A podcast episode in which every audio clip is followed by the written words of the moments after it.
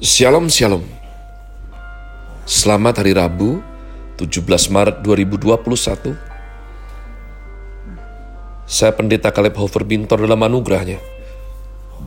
Penuh sukacita sampaikan pesan Tuhan Melalui Grace Word Yakni suatu program renungan harian yang disusun dengan disiplin. Kami doakan dengan setia Supaya makin dalam kita beroleh pengertian mengenai iman pengharapan dan kasih yang terkandung dalam Kristus Yesus. Sungguh merupakan kerinduan saya bagi saudara sekalian, agar supaya kasih dan kuasa firman Tuhan setiap hari tidak pernah berhenti menjamah hati kita, menggarap pola pikir dan yang terutama adalah kehidupan kita boleh sungguh berubah menuju Christ likeness, serupa kepada Kristus Yesus. Masih dalam season spring dengan tema Grow, Please Word hari ini saya berikan judul Mazmur 31. Karena memang demikianlah komitmen membaca kitab suci hingga habis hari ini. Sesuai agenda adalah Mazmur 31. Aman dalam tangan Tuhan. Untuk pemimpin biduan, Mazmur Daud.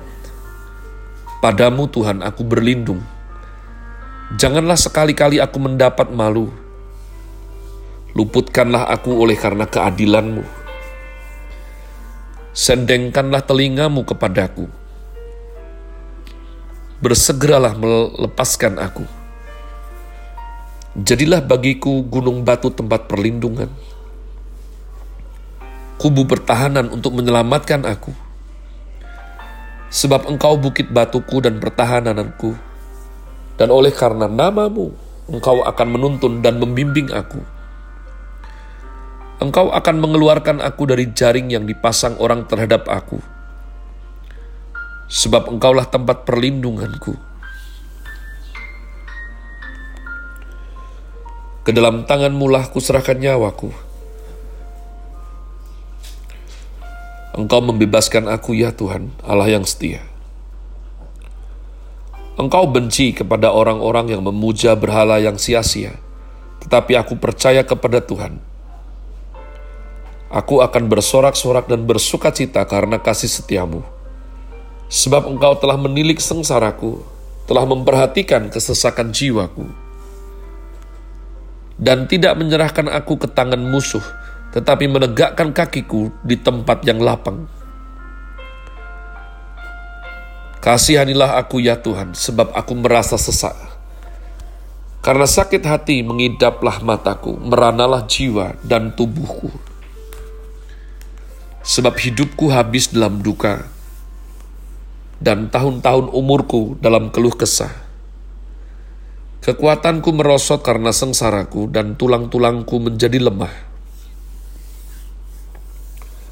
Di hadapan semua lawanku aku tercela, menakutkan bagi tetangga-tetanggaku, dan menjadi kekejutan bagi kenalan-kenalanku, mereka yang melihat aku di jalan lari daripadaku tetapi aku telah hilang dari ingatan seperti orang mati, telah menjadi seperti barang yang pecah. Sebab aku mendengar banyak orang berbisik-bisik, ada kegentaran dari segala pihak. Mereka bersama-sama bermufakat mencelakakan aku. Mereka bermaksud mencabut nyawaku. Tetapi aku, kepadamu aku percaya ya Tuhan. Aku berkata, Engkaulah Allahku. Masa hidupku ada dalam tanganmu. Lepaskanlah aku dari tangan musuh-musuhku dan orang-orang yang mengejar aku. Buatlah wajahmu bercahaya atas hambamu. Selamatkanlah aku oleh kasih setiamu. Tuhan, janganlah membiarkan aku mendapat malu, sebab aku berseru kepadamu Biarlah orang-orang fasik mendapat malu dan turun ke dunia orang mati dan bungkam. Biarlah bibir dusta menjadi keluh yang mencaci maki orang benar dengan kecongkakan dan penghinaan.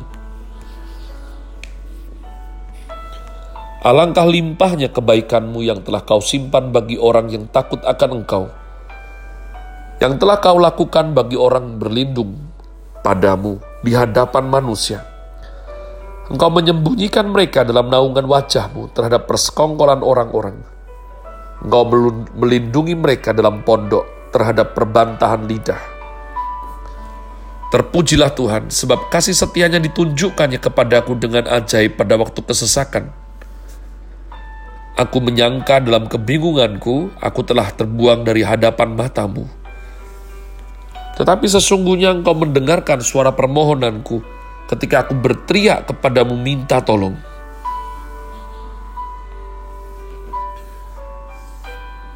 Kasihilah Tuhan.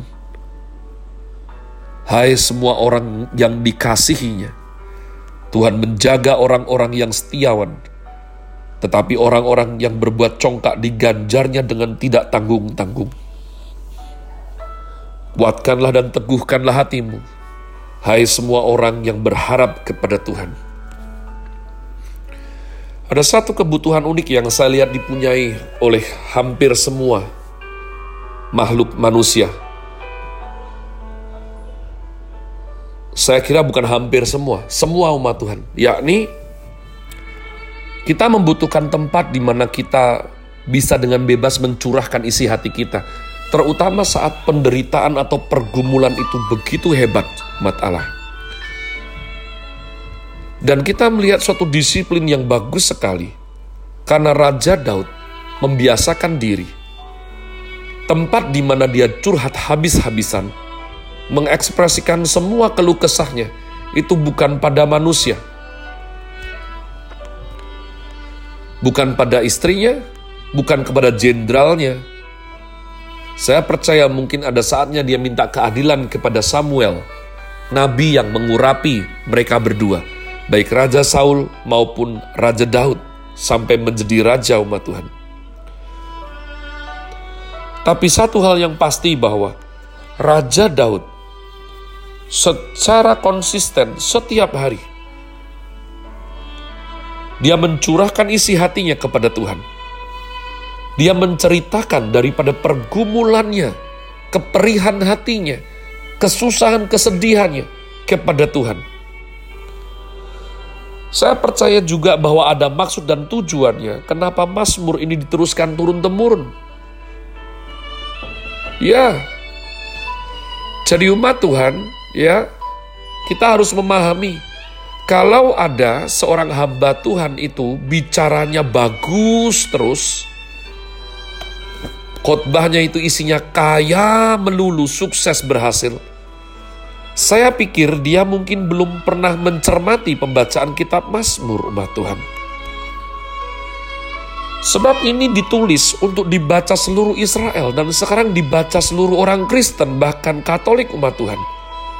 Dan bahkan kalau saya tidak salah, kitab Mazmur juga adalah kitab yang ada sebagian dalam Al-Qur'an sebagai zabur umat Allah. Ya. Jadi sepupu kita pun membacanya. Jadi umat Tuhan, lihatlah bahwa Raja Daud mengajarkan kepada kita kebutuhan jiwa kita untuk curhat, kebutuhan jiwa kita untuk berkeluh kesah, untuk menyatakan ekspresi duka, susah di hati ini. Yang paling baik itu adalah di hadirat Tuhan, kepada Tuhan. Sembari saya lihat dia menceritakan kepada Tuhan, dia sembari berdoa syafaat kasihanilah aku ya Tuhan. Jadi tidak sekedar curhat, Raja Daud umat Tuhan. Bersyafaat bagi keadaan yang sedang dia hadapi. Di hadapan semua lawanku katanya ayat 11 aku tercela menakutkan bagi tetangga-tetanggaku. Aku telah hilang ingatan, hilang dari ingatan seperti orang mati.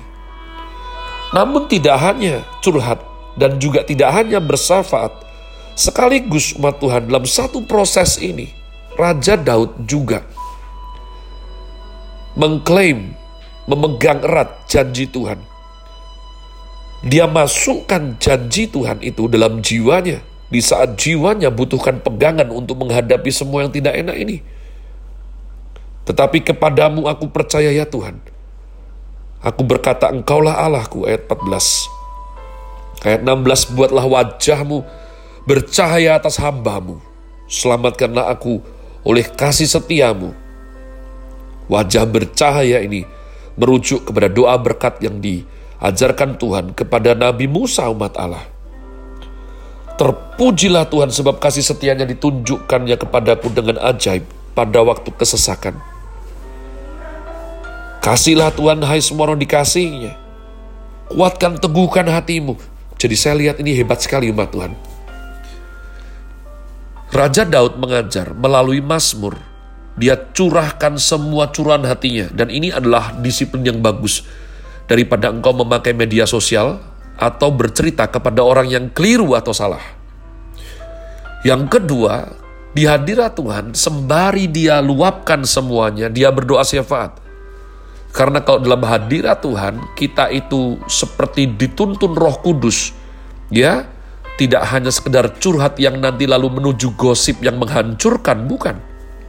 Kita justru dituntun untuk berdoa syafaat. Dan yang ketiga, umat Tuhan, selain berdoa syafaat, Raja Daud diajar roh kudus saya percaya. Untuk dia memegang janji-janji Tuhan dalam hidupnya. Dan puji Tuhan yang keempat, yang terakhir. Saya percaya oleh karena kedaulatan Tuhan, bahwa semua ini ditulis untuk kebaikan kita, para penerus daripada imam, iman Bapak Abraham, Ishak dan Yakub. Iman yang diwariskan daripada Yahweh Ehad, namun juga Elohim Israel, yang adalah satu pribadi. Satu eksistensi, tiga pribadi. Trinitas Maha Suci. Maka, satu curhat, sehat jiwanya Dua bersyafaat, orang yang berdoa, itu Tuhan dengar doanya. Ketiga pegang janji Tuhan, maka firmannya adalah ya dan amin. Pasti Tuhan akan menggenapinya. Dan yang keempat, dia juga memberikan keteladanan, memberikan pelajaran supaya engkau dan aku kuat, teguh, dan sayang sama Tuhan. Have a nice day. Tuhan Yesus memberkati saudara sekalian. Sola. Grazie.